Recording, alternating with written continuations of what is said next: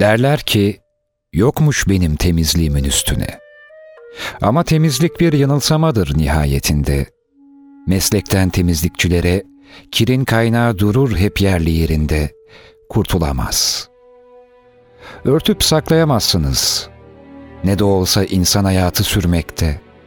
Kiri yaratan bizleriz. Döktüğümüz deriler, kıllar. Ben evlere terapi uyguladığımı düşünürüm. Çoğu zaman yatakta yer etmiş acıyı görürüm. Orada olmaması gereken bir lekeyi mimlediniz mi? Tabii olup bitenleri anlayıverirsiniz. Evet, her şeyin birbiriyle alakası var. Kirli tabaklar, temizlikçileri bedenen ve kafaca zayıf sanırlar. Görüş alanlarının dışındayız. Görünmez sihrimizi yaparız. Bölünmez tek bir bütün oluruz. Biz bir kitleyizdir.'' Ne ruhumuz olur ne de konuşma hakkımız. Sadece hayatlarını görünüşte güzel kılmak için basit bir rolümüz vardır. Kozmetik sanatçıları. Bize böyle denmesi lazım. Ya da kir danışmanları.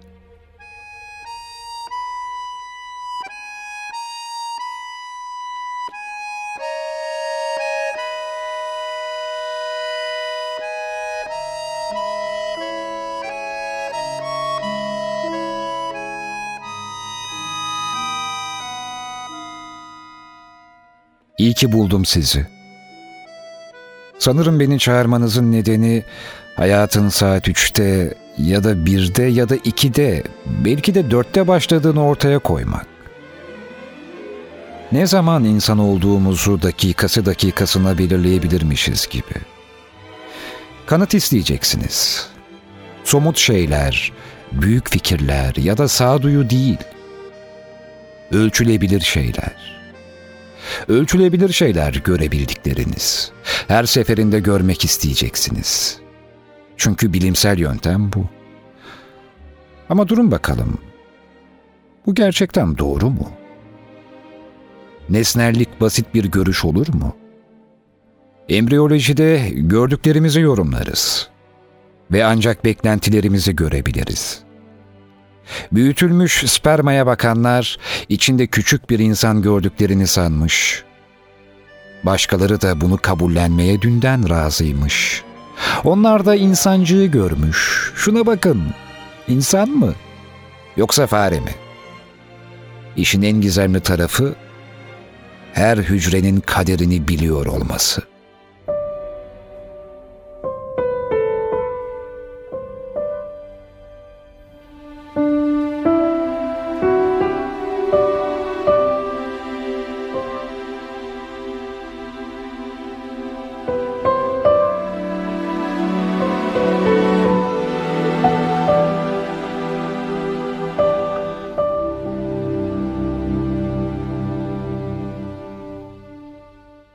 Ben Beyrutluyum.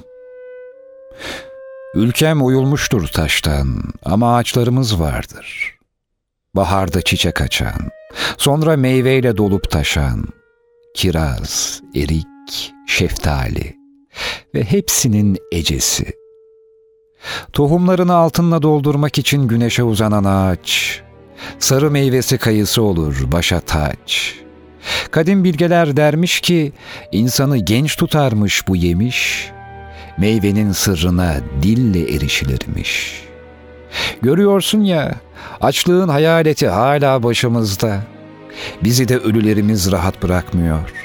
Bilmeceli konuşuyorlar rüyalarımızda. Ne çok kişi öldürüldü. Hep soruyorlar. Niye? Gerek var mıydı ölmeye?'' İstersen biraz yad edelim hüznü. Fazla hafif kaçtı bu muhabbet.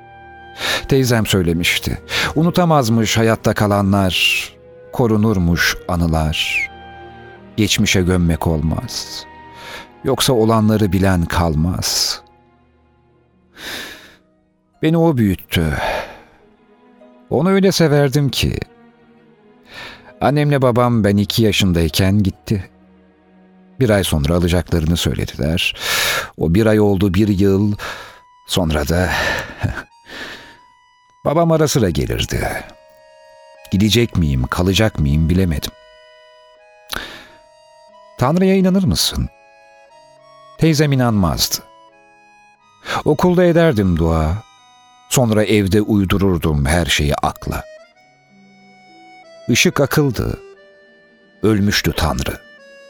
Bir Katolik okuluydu. İlmi hali, cehennem korkusunu ve ceza bilincini aşıladılar. İyi olalım diye çok dövdüler. İnanç olmadan hiçsiniz dediler. Teyzem onlara iki yüzlü derdi. Bu ikilemle yalnız kalmak beterdi. Günahkar şüpheleri telafi etmek için düştüm peşine gerçeğin. Gençlik ateşiyle kaynarken içim. Buldum mu hakikati? Evet, bilim. Yani şimdi Tanrı'nın zihnine girebiliyor muyum? Tanrı'nın zihni var mı bilmiyorum. Olabiliriz hemfikir, olmasa da inancımız bir. Biz konuşmaktan çok türkü söyleriz. Açığız hem ağıt yakmaya hem bayram havasına. Seçim bize kalmış nasıl olsa. Hiçbir şey göründüğü gibi değil aslında. Özüne inersen her şey kimyadan ibarettir. Dünya oluşmuştur kükürt ve tenekeden, fosfor ve kurşun ve nitrojenden, civa, çinko ve hidrojenden, altın, gümüş ve uranyumdan, karbon, demir ve vanadyumdan, argon, potasyum, titanyumdan. Bazen diyorum, keşke kaçabilsem. Senin gibi. Güneşli bir günde çekip gitsem. Bütün havaalanları birbirine benziyor. Eskiden yolculuğa bayılırdım. Takımları ve ayakkabıları bavula koyup çıkarıyorum. Her şey ibaret görüntüden. Saç şekli, kıyafetler, içinde de azıcık ben. Niye hep böyle oluyor ki? Kim daha çok acı çekiyor diye yarışmasak? Yönlendiriyorsun beni. Kadife gecenin karanlığında. Sıkı sarıl bana. Sesin, solgun tenin, kokun. Varlığın çıkmıyor aklımdan. Aç gözlerin kaynatıyor ruhumu. Elden ne gelir yanmaktan başka? Eriyorum bana dokunduğunda. Katı değilim artık. Bir duyguyum. Ah şu küfürler. Öyle küfürler ediyorum ki sana. Sokakta söylense indirirsin bir tokat okkalı. Ama benim ağzımdan çıkınca sevgilim baldan tatlı. Ne vereyim sana talih perisi? Nasıl sesleneyim sana daha başka? Tapınayım müstehcen, çirkin sözlerle. Sana olan sevgimi gösterebileceksem, lağımdan çıkma bir dille aşağılayayım seni. Dinle şimdi. Yumuşacık fısıldayacağım kulağına.'' Akacak dili sözler kimselere itiraf etmediğin hayallerden çıkma. Duyulsun yasak düşünceler, görülsün saklı köşeler. Bu işin tek tehlikesi şimdiye dek sana ait özel yerlerin dağılıp yok olması. O zaman bir gül gibi açılı vereceksin. Şakıyacak, dans edecek, mırıldanacak, güleceksin.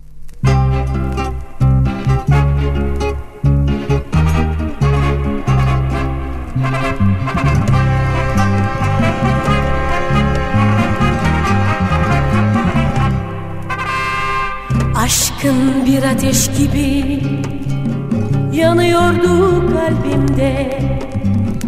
Senin o vefasız sevgin kül bıraktı yerinde. Şu yalancı dünyada insan her gün ölüyor. Çok sevenin başına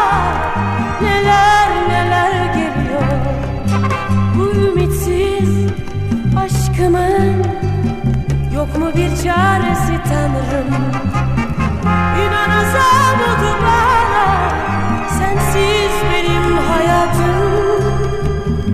İnanasam oldu bana Sensiz benim hayatım. Annemin plakları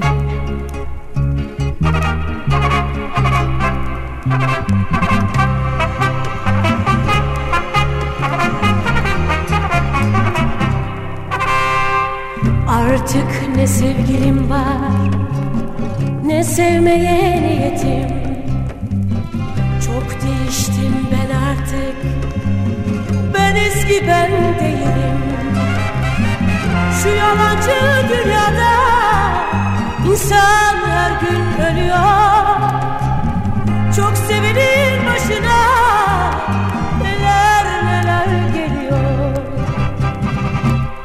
Ay ay ay ay Neredesin sevgilim Sevmediğini bile bile Yine seni severim. Sevmediğini bile bile Yine seni severim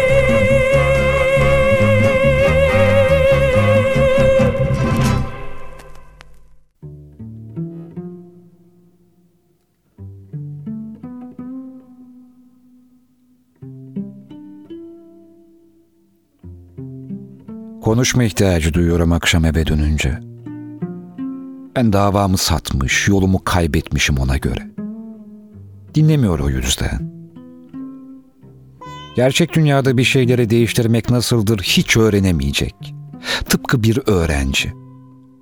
Zihniyeti tanıştığımız zamanki gibi. Hayaller, boş laflar, büyük fikirler. Toplum ve hakikatle ilgili yüce düşünceler. Ben yanlışları düzeltmeye çabaladığım halde düşman olup çıktım. Öte yandan o bilimle uğraşıyor. Ona kalsa hep o mağdur, hep o sahici. Ben sahteyim nedense. Bir de memleketlerimiz farklı. Halbuki küçükken ayrılmış memleketinden ve burada büyümüş. Ama işine geliyor bunları unutmak. Köklerine sahip çıkıyor ki ezilen rolünü oynayabilsin.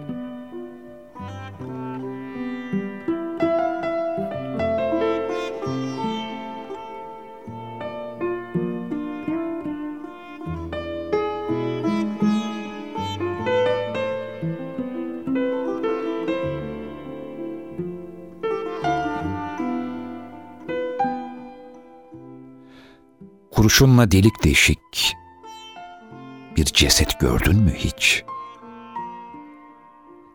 Sizler çok safsınız. Aptalca inançlarınız var. Sanıyorsunuz ki unutulmayacak acı yoktur.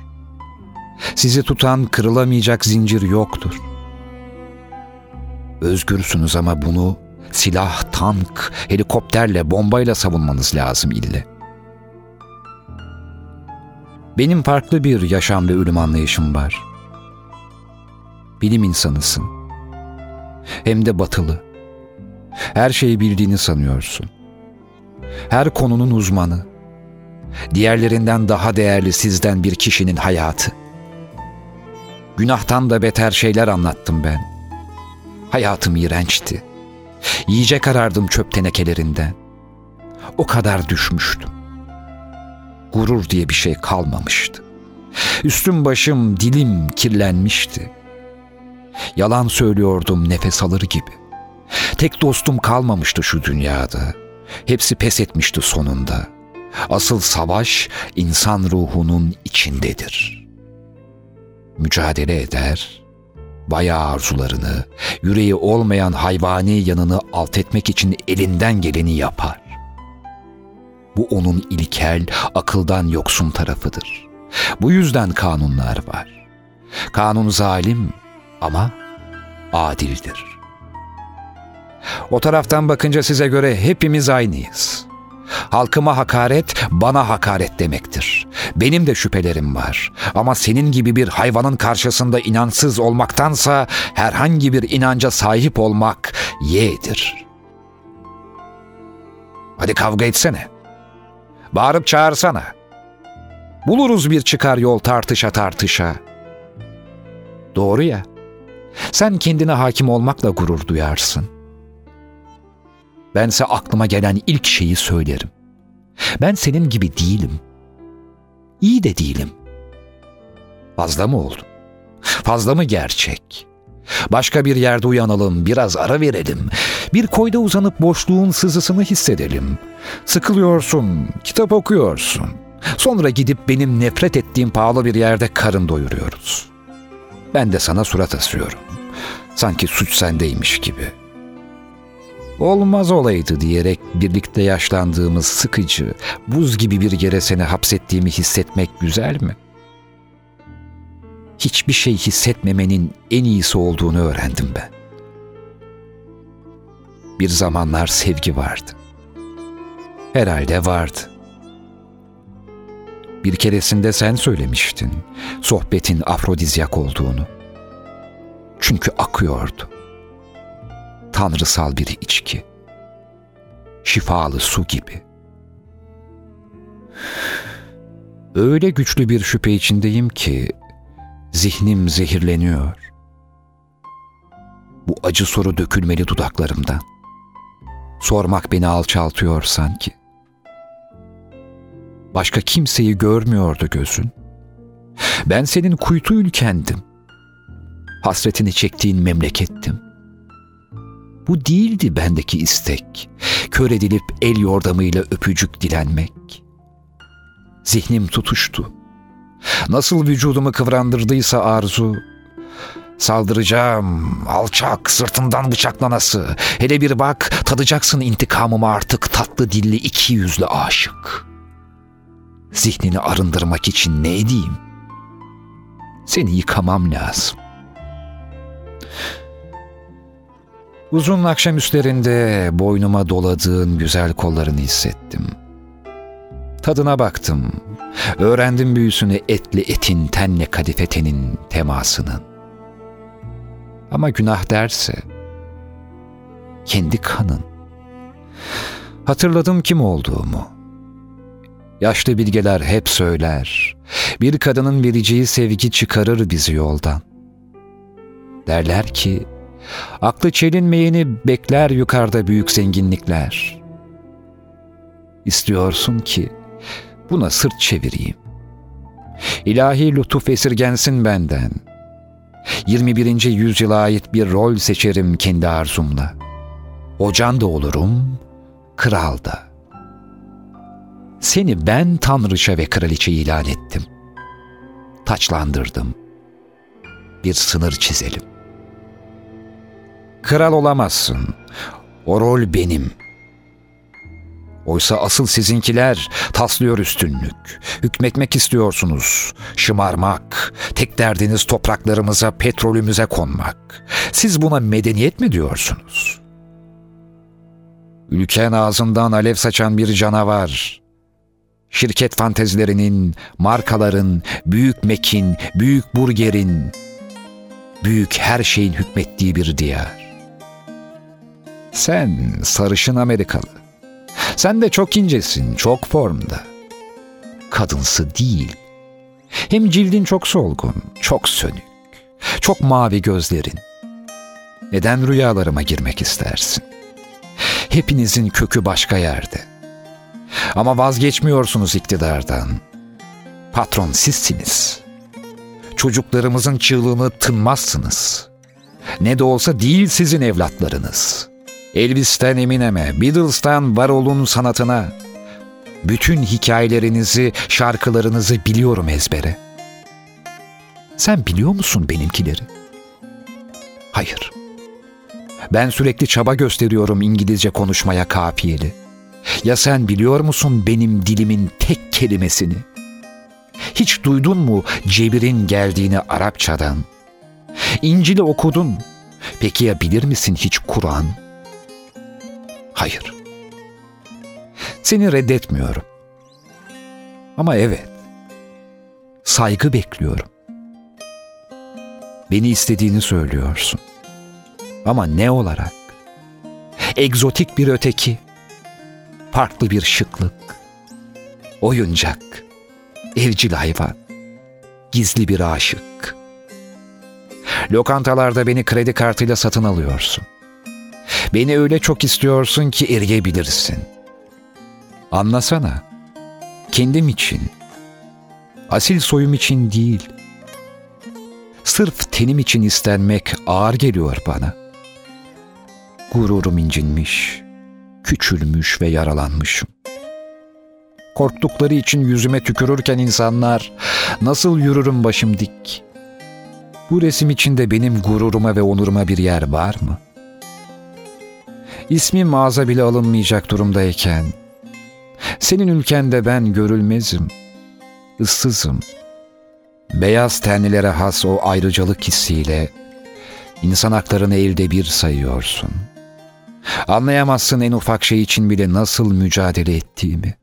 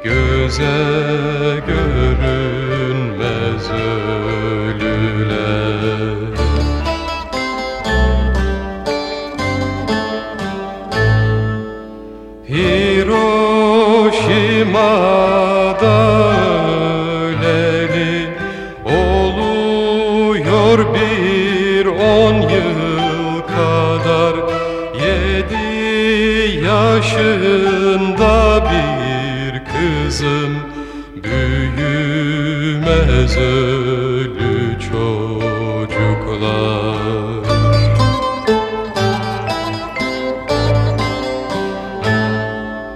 Yedi yaşında bir kızım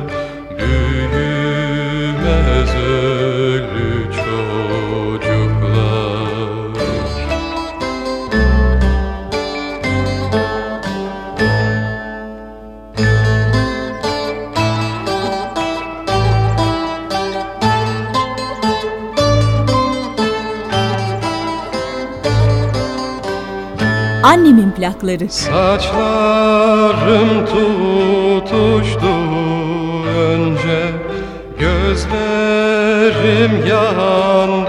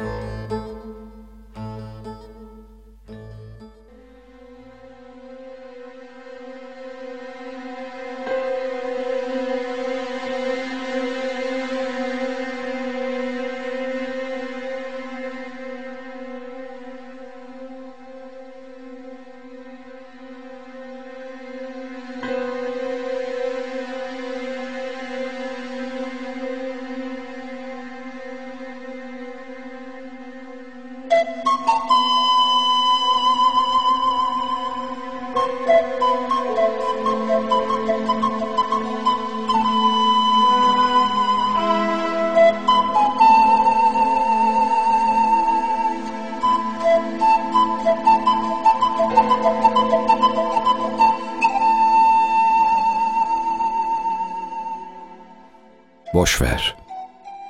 Biliyorum işin başından aşkın. Senin hayatın hep böyle. Ama işleri sen kovalıyorsun. Demek ki bunu istiyorsun. Hep bir oraya bir buraya hiç durmak yok. Ben burada kalıcıyım. Kim bilir ne kadar zaman, galiba asırlarca. Çok acayip bir şey bu. İnsanın içine işliyor yavaşça. Önce bir iki gıcırtı dizlerde belki. Sonra hop bir bakıyorsun yaşlanıp yatağa mahkum oluvermişsin. Kimse bu kadar çok zamanım olacağını ama hayalini kurduğum şeyleri gerçekleştirmek için kullanamayacak kadar geç kalacağımı söylememişti. Kader paketi ters yüz ederek baş aşağı teslim ediyor işte. Söyleyecek sözüm her zamankinden çok ama bütün gün yataktan sandalyeye, oradan tekrar yatağa taşıyorlar beni. Bu haksızlık. Oysa bütün tecrübelerimi paylaşmak isterdim sık sık. Fazla da bir manası yok ya. Zaten ilgilenen de kalmadı artık. Keseyim burada. Senin gitmenin zamanı gelmiştir değil mi? Beş dakika? Belki on? Belki bu son? Kim bilir? Belki daha ne zaman görüşürüz? Her gidişin öyle bir darbe oluyor ki zahmet edip gelmene değmiyor. Cidden. Gülme öyle. Ben ölünce üzülürsün sonra. Şaka yaptım canım. Gülelim diye söyledim. Ama tabii bu doğru. Bazı şeyleri hiç sormuyorsun. Evet. Bir iki şeye pişman olacaksın. Zamanın niye hep böyle ileri doğru gittiğini gençliğimde bana açıklayan olmadı. Evreni rezil ediyorsak neden biraz da düzeltmeye çalışmadığımızı sorunca dilini tut dediler. Tabii hatalar düzeltilebiliyorsa eğer. Hayatı geri sarıp yeniden oynatmak, ikinci seferde yaşama sanatını öğrenmiş olacaktık. Oysa tek bir hakkımız var. Kostümlü prova falan yok. Bu asıl gösteri. Farkında da değiliz. Şu sözde ilahi planın manasını anlamış değilim. Zaten inanmıyorum da. Bana kalırsa yukarıdaki hala arıza endam etmedi. Hayatta bir şey öğrendiysem o da şu. Her şey bana bağlı.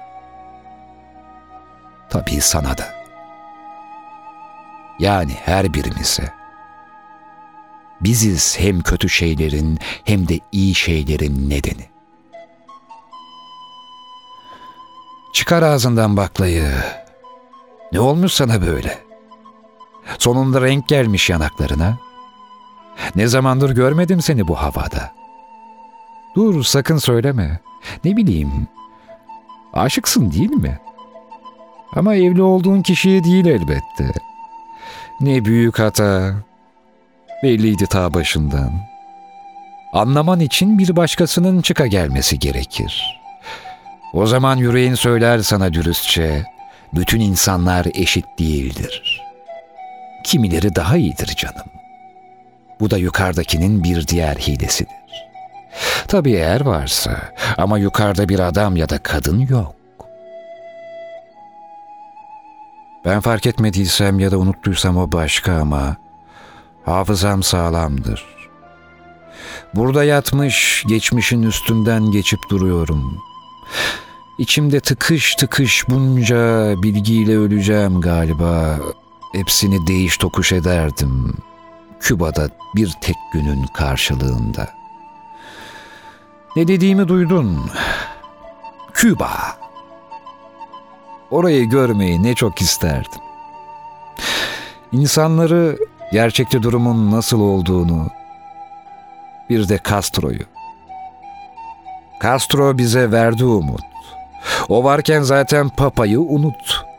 Onun elini sıkmak isterdim.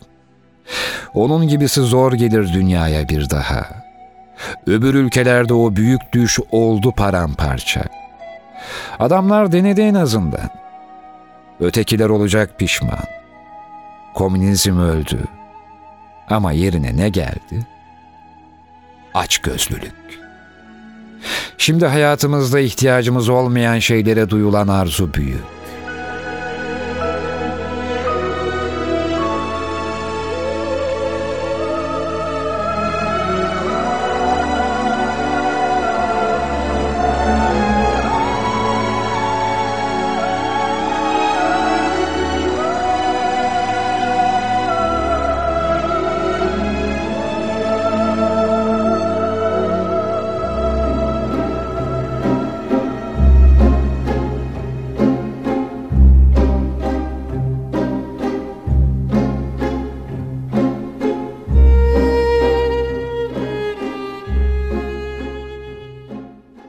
Ölürsem eğer,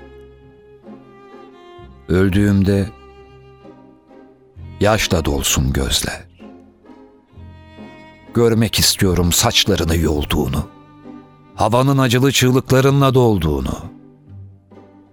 Görmek istiyorum dövündüğünü, parça parça ettiğini üstünü. Hıçkırarak yatağıma kapan, öldüğümü anlarım o zaman. Bilmek istiyorum senin parçan olduğumu.'' Kopmama dayanamadığını, karalar bağladığını görmek istiyorum. Yaz tutarak uykusuz geçen gecelerden kan çanağına dönsün gözlerin. Gidişime kuvvetle isyan edesin. Herkes birbirinin kollarında feryat figan edilsin. Tekmele sandalyeyi, duvarı yumrukla, inim inim yere düşüp başla haykırmaya. Ben anlayayım ki değil bu bir rüya. Aynı hayatım gibi olsun ölümüm. Kargaşa, mücadele, kavga sürsün hüküm. Savaşmak istiyorum. Sen de benim için savaş. Duymak istiyorum son pişmanlıklarını benimle ilgili ukde kalan içinde. Aslında bunları duymak isterdim ölümümden önce. Susturmasınlar seni sakın. Aldırma, söylerlerse benim için kötü olduğunu, daha zorlaştıracağını ayrılışımı. Yok.'' Ben görmek isterim tuttuğunu yasımı. Dindar ve terbiyeli bir sessizlikte boğulmayalım artık. İyice şamata yapalım. Odayı doldursun bambaşka bir ışık.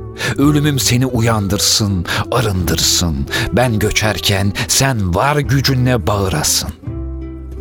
Hayat çok kısa, değerli. Elimizdekini har vurup harman savurmayalım. Gerçeklerle yüzleşmedik. Belki dile getirdiğimiz öfkeler bile mutluluk tohumlarını barındırıyor.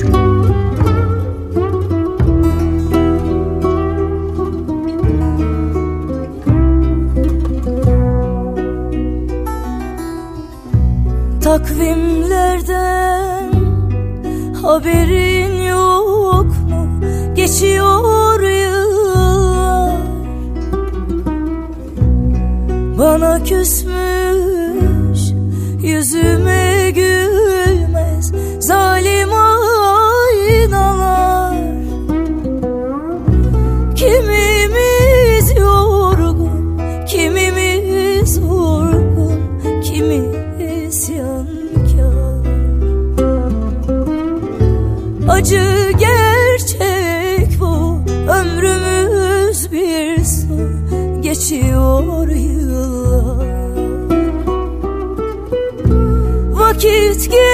geç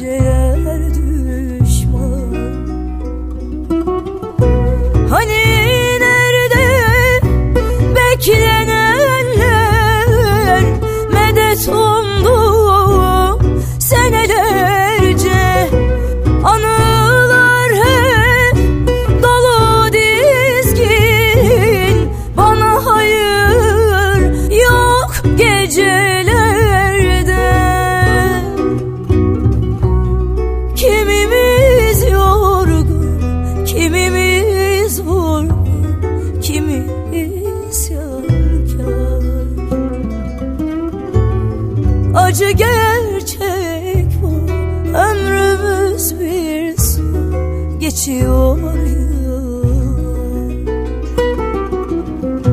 Vakit geç oldu.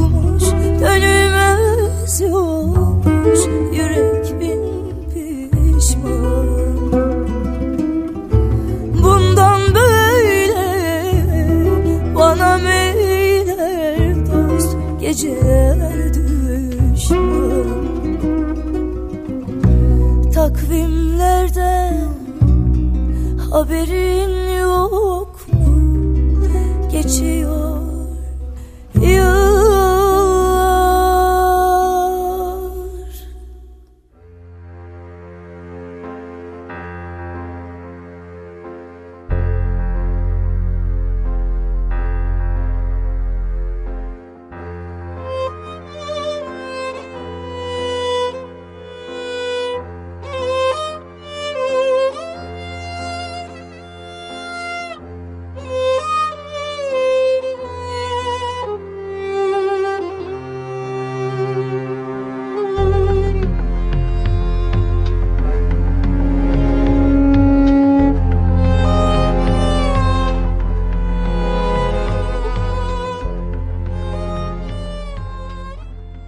hiçbir yere gitmez kir. Sadece yeri değişir. Bazı şeyler yakılır. Kimileri de yere gömülür bir bir. Ama ateş ardında bırakır iz, yağlı kurum, duman. Gömülenler de boy atar aradan geçince zaman. Kir çok yavaş hareket eder, nüfuz eder sinsice.'' Her şey suya dönüşür, sızar her yere. Tanrı iyi ki bize her şeyi görmeyen gözler vermiş. Yoksa çıldırırdık. Hayatta dokunamazdık bir yatağa, koltuğa, sandalyeye. Orada yaşayan şeyleri görmüş olsaydık. Milyonlarcadır bunlar. Bir sürü yaratık ayaklı bacaklı tam kıta. Çiftleşip atarlar yumurta.'' Bizim kirlerimize bayılırlar. Yaşarlar yiyerek döktüklerimizi.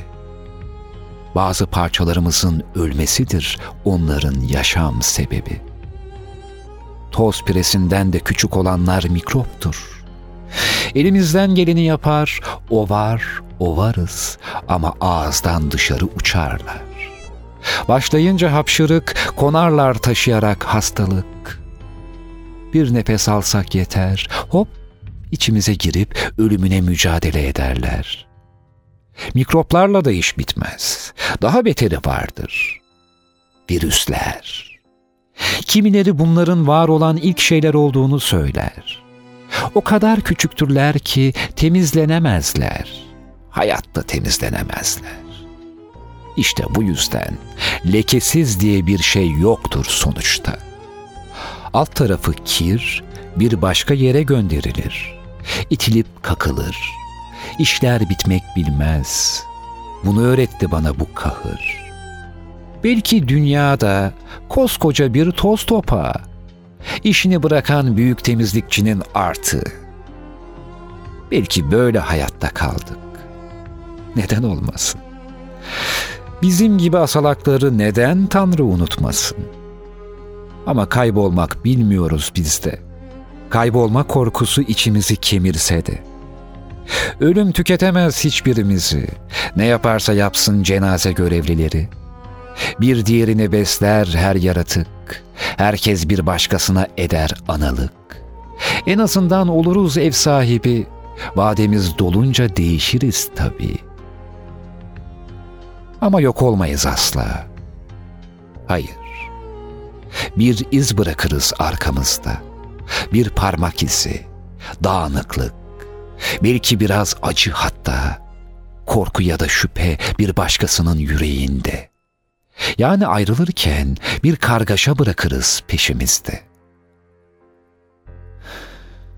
Tanrım, eğer varsan günah çıkaracağım. Ne olur bir kez olsun konuş benimle. Ne düşündüğünü tahmin etmeye kalkmayayım. Yanlış anlayabilirim. Biliyorum. Yoldan ayrıldım. Ait değilim hiçbir ibadethaneye. Kendimi adamıştım bilimin yüceliğine. Evet, her gün bilimden umdum medet. Ama belki bu da benim için bir ibadet. Tam 20 yıl Tanrım, dile kolay. Kestim, teşrih ettim, özenle ve saygıyla. Yaşayan her hücre bir mucize. Gayret ettim bunu görmeye. Senin esrarını çözmeye. Tanrım, sen tenezzül etmezsin yalan söylemeye. Ama sırların var. Benim de öyle.'' Şimdi bütün kimliğim şüphe içinde küle döndü.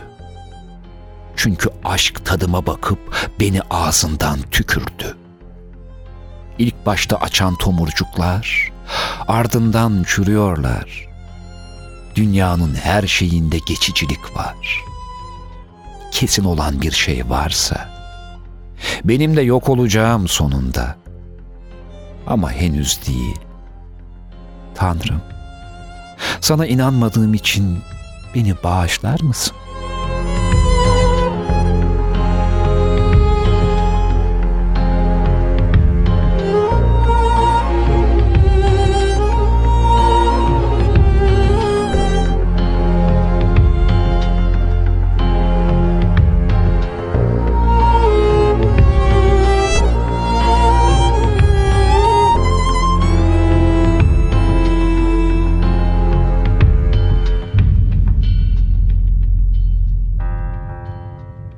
Dikkatle bakarsanız hiçbir şeyin kaybolmadığını görürsünüz.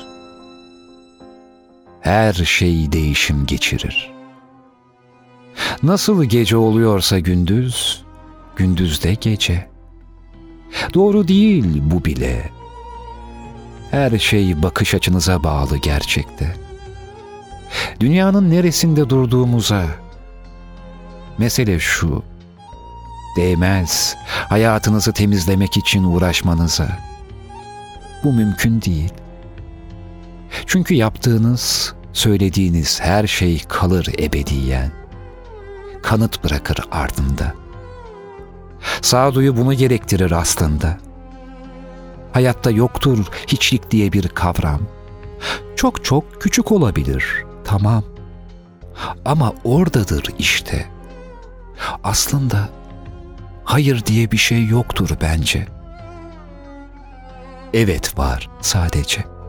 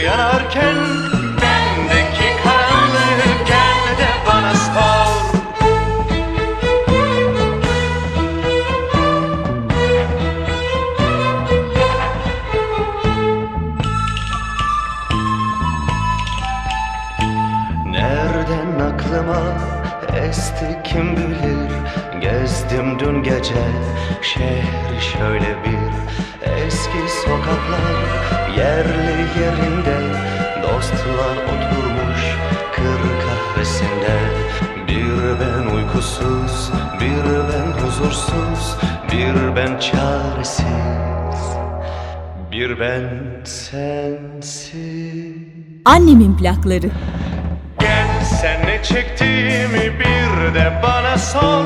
Sensiz yaşamak neymiş bir de bana sor. Ak düşen saçlarımı tel tel sayarken Bunca yıl nasıl geçti? Gel de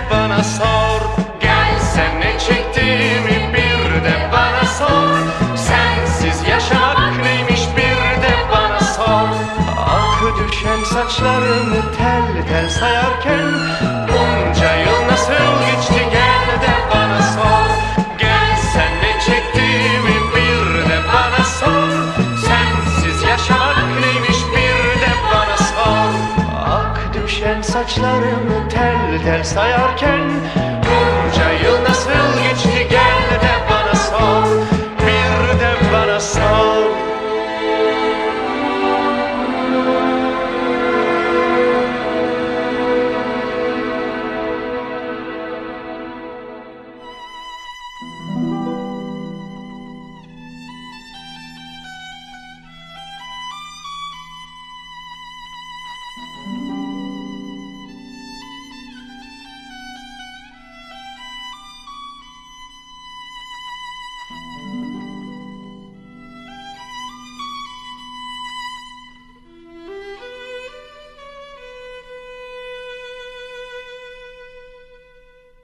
Bilir misiniz?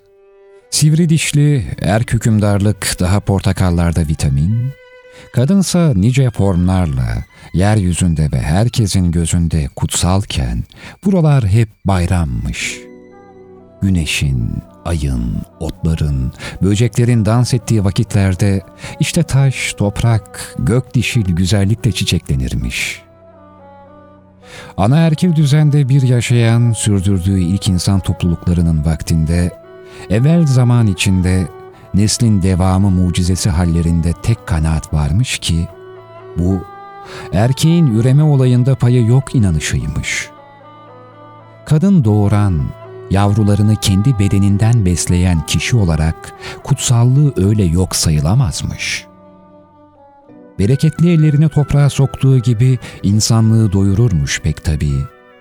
Medeniyetlere can verir, kültürleri emzirirmiş varlığıyla.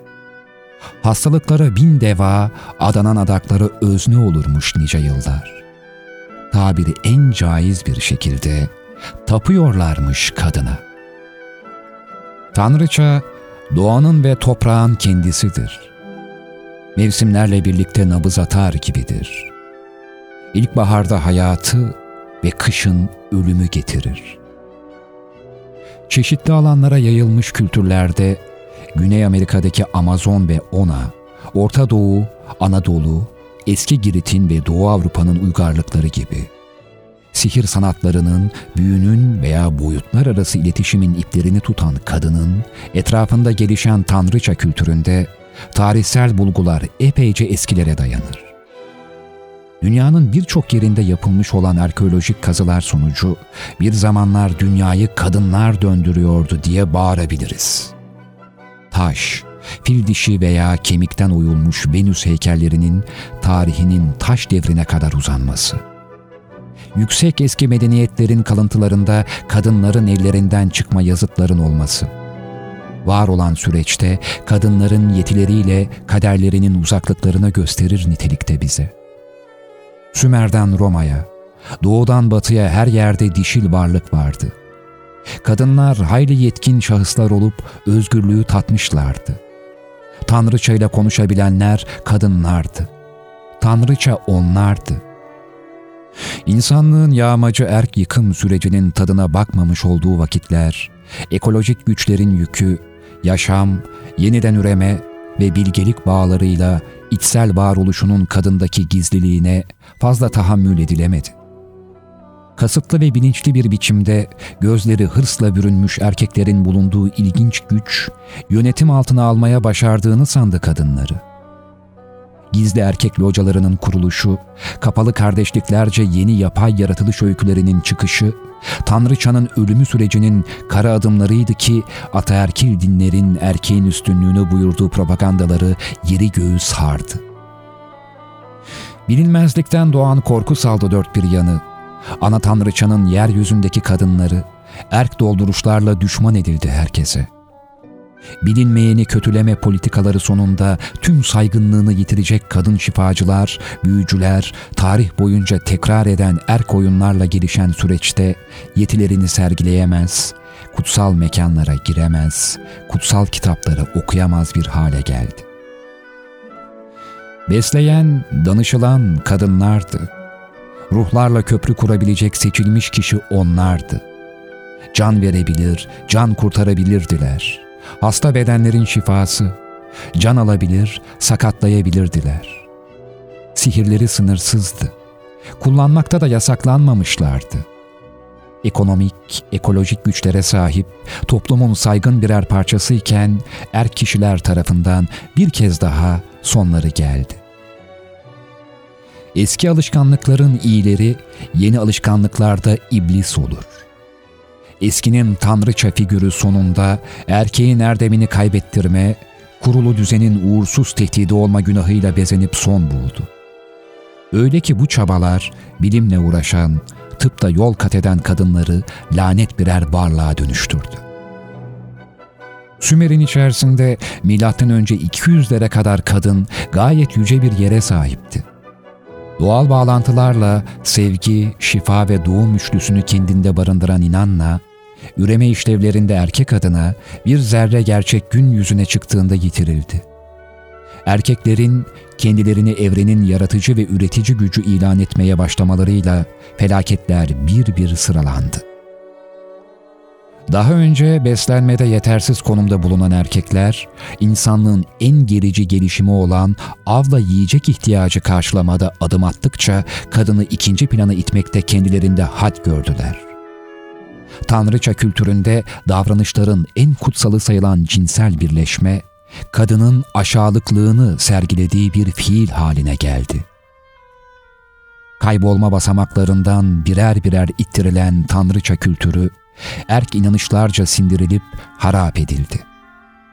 Yine bir Sümer tanrıçası olan İştar, herhangi bir kutsal önemden yoksun fahişeye dönüştürüldü ve erkliğe akış, şaşırılmayacak son olan medeniyetin ölümüyle final yaptı. Adaletsizlik, eşitsizlik ve doğada geri döndürülemez dengesizlikle Sümer uygarlığı son buldu. Yeryüzünde Tanrıçanın saygınlığını yitirmesi sonucunda tahta geçen erkek muradına ermiş bir biçimde o zamanlardan bu zamanlara toprağa, göğe şiddet saçtı. Anaçlık, şefkat, doğurganlık kavramlarıyla özdeşleşen tanrıça kültürü, insanla doğa ilişkisini ahenk içerisinde bir dengeyle sürdürürken, Erkek olan tanrılar savaş güç iktidar mottolarıyla, indirgemeci bilimiyle, adalet yoksunu hukukuyla dünyayı ele geçirdi. Kibele, Umayana, Astarte, Isis, Meryem Ana, Diana, Aradya, Fatıma Ana, Sınırlandırılmış, bastırılmış, gizlenilmiş, yasaklanmış tanrıçalar ve kadınları geçmişe gömülmüş gibi dursa da yitmeyen bir enerjiyle farklı suretlerde dünyada dolaşır, zincirlerini kırmaya gün sayarlar. Tanrıçaların kadınları, şifacı ninelerin mirasları genetik kodlarına yansımış kutsallıklarıyla dokunuyorlar dünyaya. Onların ölümü doğurdu belki de bin tane tanrıça. Güçleri içlerinde saklı, Tanrıça bilgisinin tohumları kalplerinde ekili, sürdürüyorlar canlılığı türlü coğrafyalarda. Eril ve dişil bilinçlerin dengelenmesine müsaade ettiğinde erk varoluş, vazgeçtiğinde yıkımcı hükmünden barış ve adalet dolu hayat tekrar doğacak. Anaerkil ve uyum dolu günlerin yakında gezegenimize dolması umuduyla. Ayın kadim dilini kim biliyor şimdi? Kim konuşuyor tanrıçayla hala?'' Sadece taşlar hatırlıyor şimdilerde. Ayın uzun zaman önce bizlere söylediklerini ve ağaçlardan, otların şarkılarından ve çiçeklerin kokularından öğrendiklerimizi.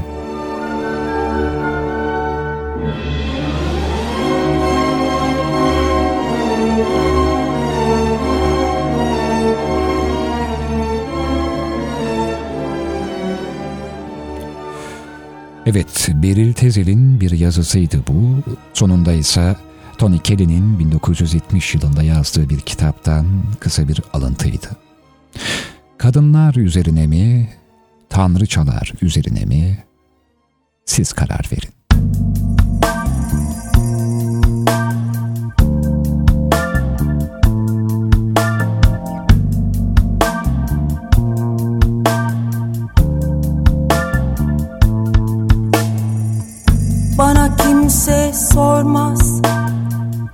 Atarlarken büyümü Ben bir dilsizim. Silkemem ki yükümü. Gözlerimde ürkeklik. Kimse bilmez küsümü. Çünkü adım kadın. Dinletemem sözümü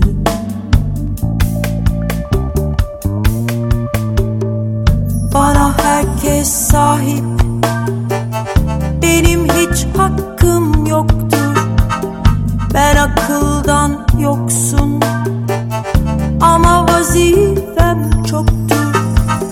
Adem'in yediği elma Hep benden sorulur. Çünkü adım kadın. Kadınım hükmüm yoktur. Çünkü adım kadın. Kadınım hükmüm yoktur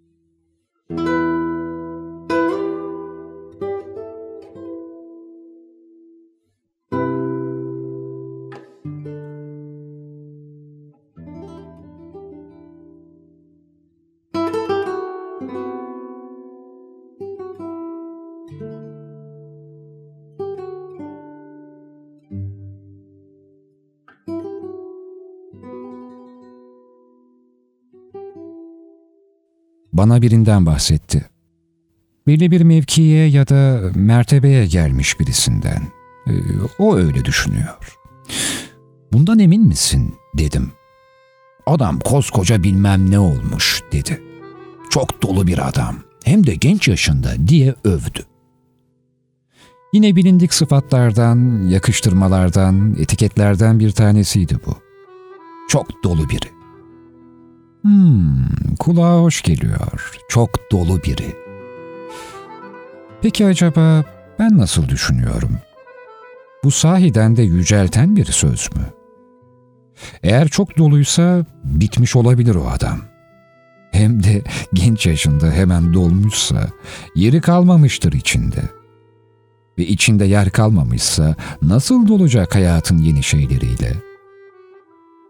Bence boşlukları olan insanlar yeni şeylere daha müsait yaşarlar. Onların daha dolduracak bir içleri vardır. Hani bir kez daha demiştim. Boşluk iyidir, boşluk doğurgandır diye. Bütün patlamalar, yeni hareketler, yeni hedefler, yeni aşklar bir boşluktan önce gelir. Kainattaki boşluğu düşünün. Çoğunluğu boşluk olan bir kainat. Her an yıldızlar doğuran, o boşlukta dönen devran. Yılgınlığın ardından gelen hayatınızdaki boşluklar. uzun süren boşluğunuz ve ardından gelen yepyeni bir hareket, yeni bir hedef, belki yeni bir kariyer, hiç bilmediğinizi düşündüğünüz bir alanda yeni bir yol. Bunların öncüsü aslında hep boşluklardır. Aşk da öyle. Düştüğünüz bir boşlukta sizi yakalayan biri.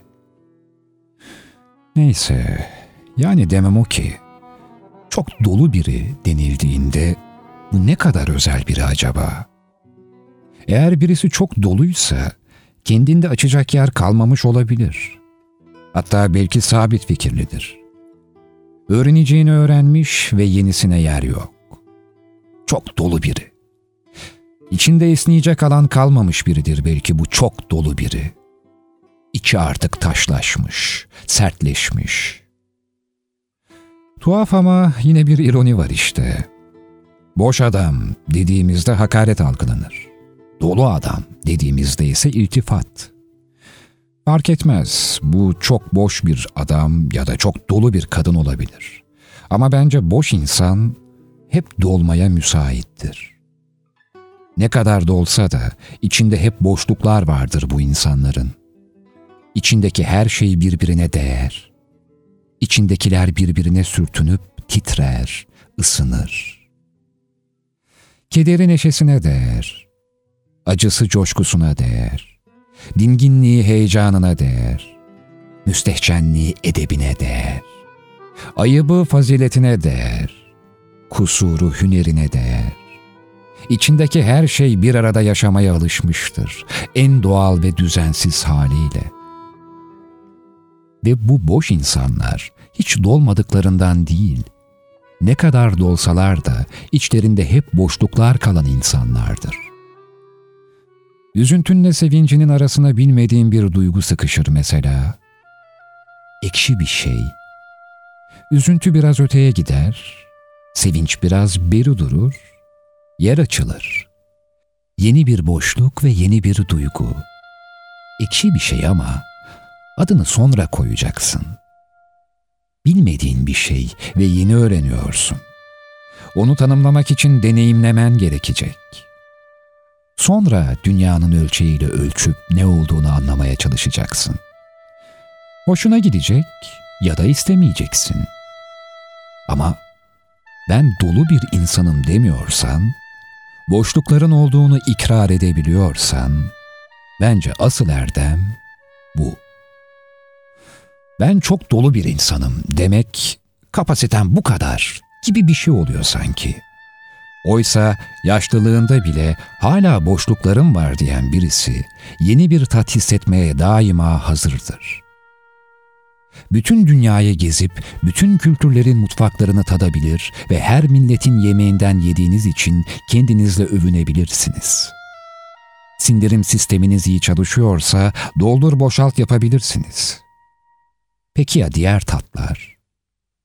Yiyeceklerin tamam da ya duyguların tatları, hislerin, içgüdülerin, 6, 7, 8, 9. hislerinizin alacağı tatlar, tanımlanmamış tatlar, çok az insana nasip olan tatlar, hatta belki de hiç kimsenin bilmediği bir tat.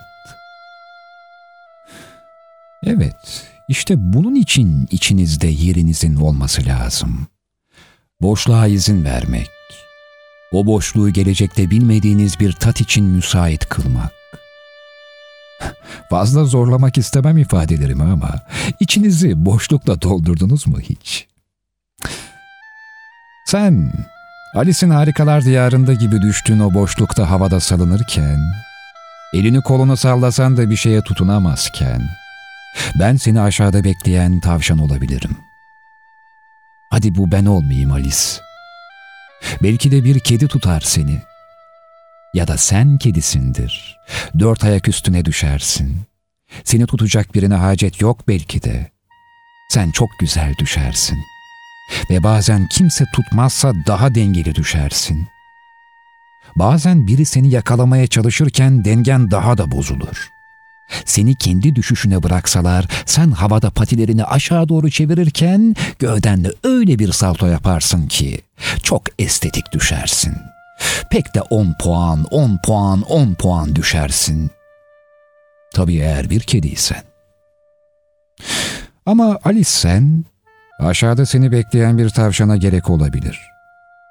Belki o tavşan hayatının boşluğundan sonra karşına çıkan yeni bir aşktır. Harikalar diyarında gezinirken düştüğün dehlizde kendini boşluğa bırakmaktan başka çaren yoksa bırak kendini. Bazen boşluğa saygı duymak gerekir. Hep bir yerlere mi tutunacağız? Hep bir dal mı lazım bize? Öyleyse boşluk neden var? Boşluk neden yaratıldı? Hatta neden boşluklar bunca şeyi yarattı? Yaratılanlar boşluktan yaratıldı. Bir bebek annesinin karnındaki boşlukta başladı yaşamaya. Bu yüzden boşlukta olduğunu anladığında bazen de bırakmalı kendini belki de birisinin seni tutmasına ihtiyaç duymadan. Boşluğa düşmelerimiz belki de bunu anlatıyordur. Sana senden başka kimsenin yetemeyeceğini, boşluğu dolduran sensin, anlasana. Aslında düştüğün boşluk seninle doluyor. Bu yüzden o kadar da boş bir laf değil bu boşluk. Eğer içinde sen varsan. Hem ne biliyorsun? Belki de kuyunun aşağısında senin düşüşünü izleyen benimdir. Düşsün bakalım. Eğer yere çakılacak olursa kollarımı açıp seni tutarım. Ah Alice. Hikayendeki tavşan diye böyle söylüyorum. Yoksa ben tavşanları sevmem. Ben kediyimdir. Sekiz kere düştün üstüme. Sekiz kere canım çıktı. Hep yaratılışımın bonuslarıyla, yolun başında verilen kalplerle yaşadım. Sekiz kere düştün üstüme, sekiz kere vurdun beni, doymadım can vermeye. Sen de bir kediydin. Hep dört ayak üstüne düştün sonunda. Ben de bir kediydim. Ama her düştüğümde canımdan gitti. Dokuz, sekiz, yedi, altı, beş, dört diye geriye doğru sayıyorum. Çünkü ben düşmeyi bilmiyorum. Sen dört ayak üstüne düşen şanslı kedi. Ben canından veren canlı kedi. Ellerim,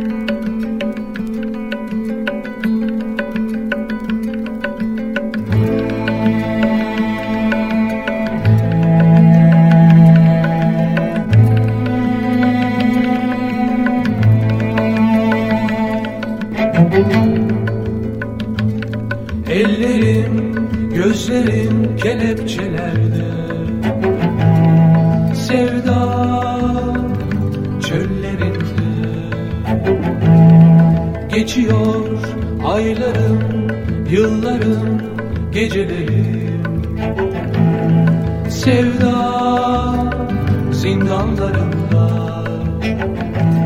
Yeter ki sen sev beni. Yeter ki inan bana. Yeter ki sen sev beni. Yeter ki inan bana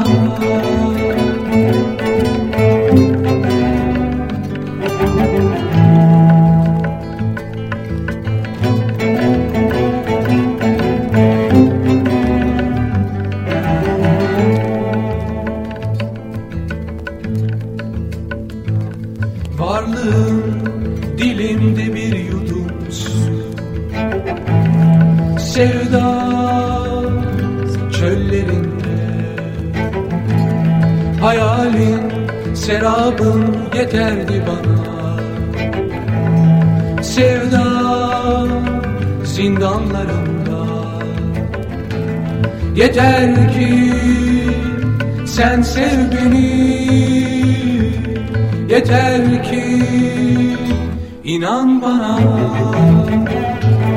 Yeter ki sen sev beni.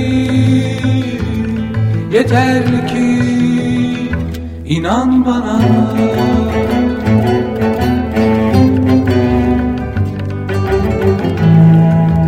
Annemin plakları.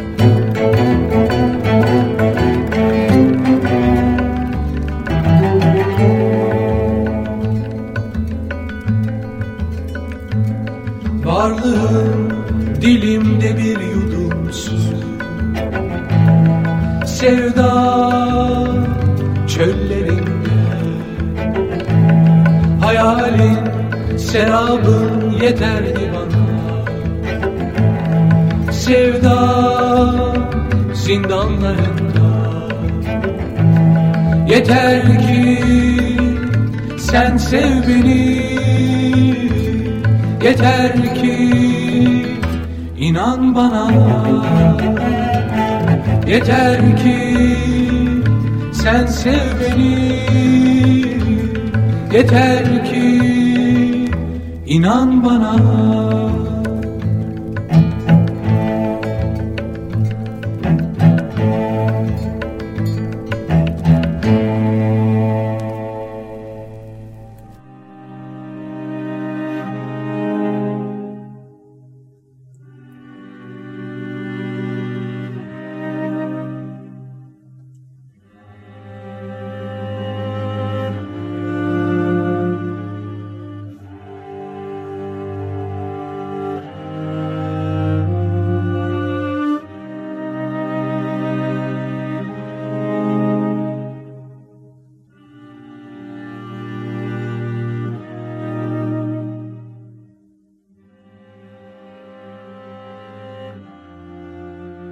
Her neyse.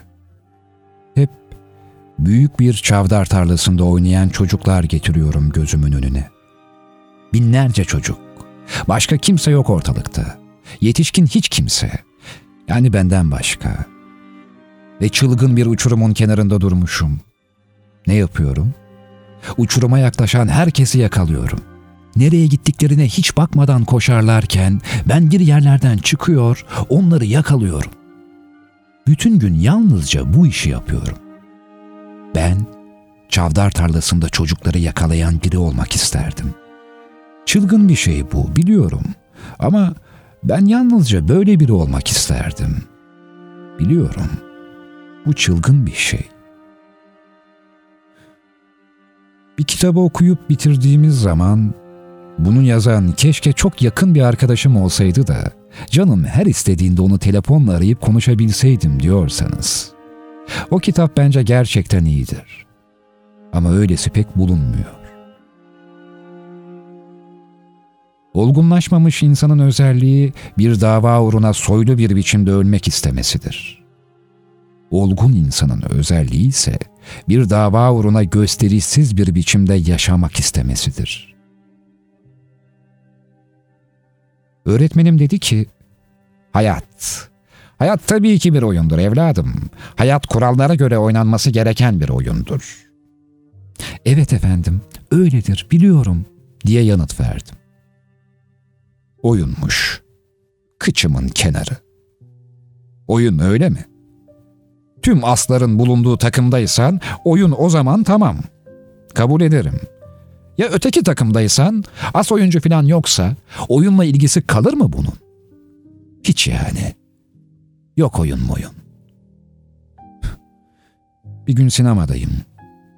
Film sahtekarlaştıkça o daha da fazla ağladı. Kadının felaket iyi kalpli biri olduğu için böyle ağladığını falan düşünebilirsiniz ama ben onun yanında oturuyordum. Değildi. Yanında küçük bir çocuk vardı ve felaket sıkılmıştı. Çocuk helaya gitmek istiyordu. Ama o götürmedi çocuğu. Ona ses çıkarmamasını, uslu durmasını söyledi durdu. O kadın ancak lanet bir kurt kadar iyi kalpli olabilirdi. Sinemalarda böyle sahtekarca zımbırtılara deli gibi gözyaşı dökenlerin yüzde doksanı aslında kötü kalpli, aşağılık insanlar. Şaka demiyorum.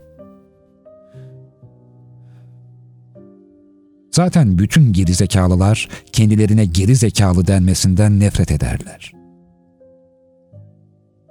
Eskiden onu pek akıllı sanırdım. O aptallığımla tabii. Öyle sanmamın nedeni tiyatro, edebiyat ve bütün bu zırvalıklar üzerine çok şey bilmesiydi. Birisi bu konularda pek çok şey biliyorsa, onun aptal olup olmadığını anlayabilmeniz epey zaman alıyor. Tanıştığıma hiç memnun olmadığım kimselere durmadan tanıştığımıza memnun oldum demek beni öldürüyor. Ama o müzedeki en iyi şey her şeyin yerli yerinde kalmasıydı. Hiç kimse kıpırdamazdı yerinden.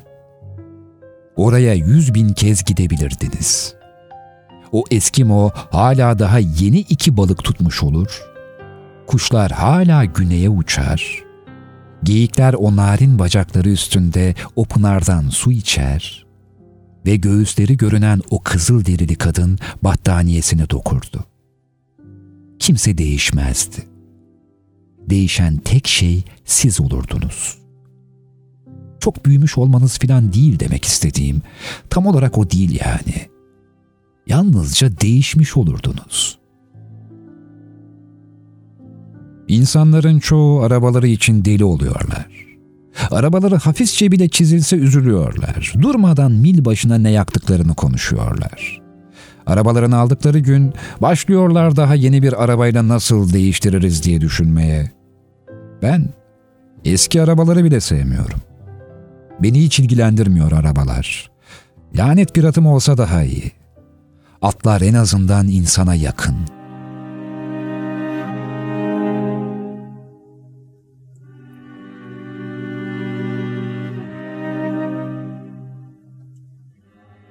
Kadın bedeni bir keman gibidir diyordu. Hakkını vererek çalmak için acayip iyi bir müzisyen olmak gerekirmiş.'' bir şeyi çok iyi yapıyorsanız, bir süre sonra dikkatli olmazsanız gösteriş yapmaya başlıyorsunuz. Ve sonunda da iyi olmaktan çıkıyor yaptığınız. En korktuğu şey birinin ondan daha akıllıca bir şey söyleyecek olmasıydı. Biri sizi en azından dinliyorsa durum o kadar da kötü sayılmaz.''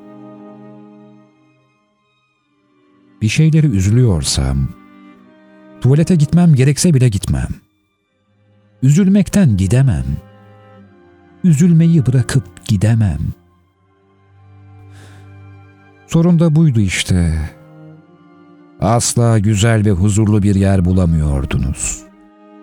Çünkü böyle bir yer yoktu. Var sanıyordunuz.'' İnsanlar hep yanlış şeyleri alkışlıyorlar. Kasları gelişmişti ama beyni yoktu. Gece geç saatlerde New York'ta birinin kahkaha atması dehşet verici bir şeydir. Millerce öteden duyabilirsiniz. Bunu duyunca yalnızlığınız daha da artar. Moral diye bir şey kalmaz insanda. Demek istediğim şeyi anlatamıyorum. Anlatabilsem de Anlatmayı isteyeceğimden pek emin değilim. Sakın kimseye bir şey anlatmayın. Herkesi özlemeye başlıyorsunuz sonra.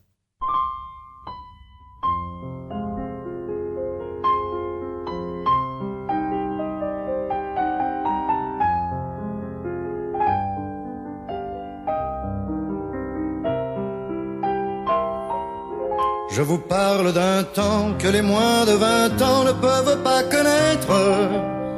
Montmartre en ce temps-là accrochait ses lilas jusque sous nos fenêtres et si l'humble garni qui nous servait de nid ne payait pas de mine. C'est là qu'on s'est connu, moi qui criais famine et toi qui posais nu. La bohème, la bohème, ça voulait dire on est heureux. La bohème, la bohème, nous ne mangions qu'un jour sur deux.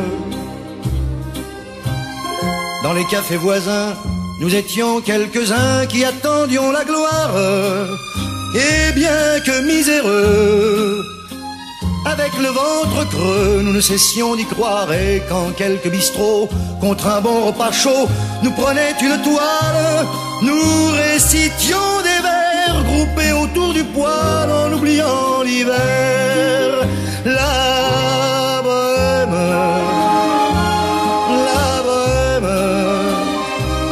ça voulait dire es jolie. La bohème, la bohème, et nous avions tous du génie.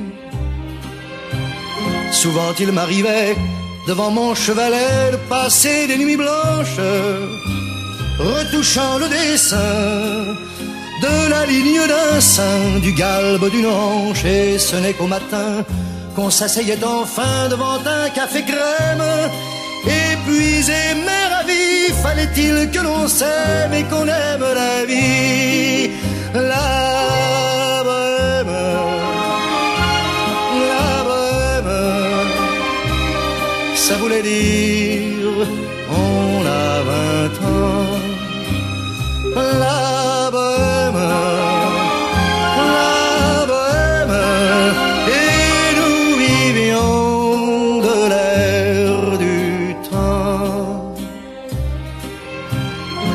Au hasard des jours, je m'en vais faire un tour à mon ancienne adresse, je ne reconnais plus ni les murs, ni les rues qui ont vu ma jeunesse en haut d'un escalier. Je cherche l'atelier dont plus rien ne subsiste.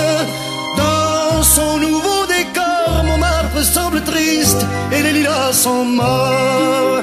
La bohème, la bohème, était jeunes, on était fous.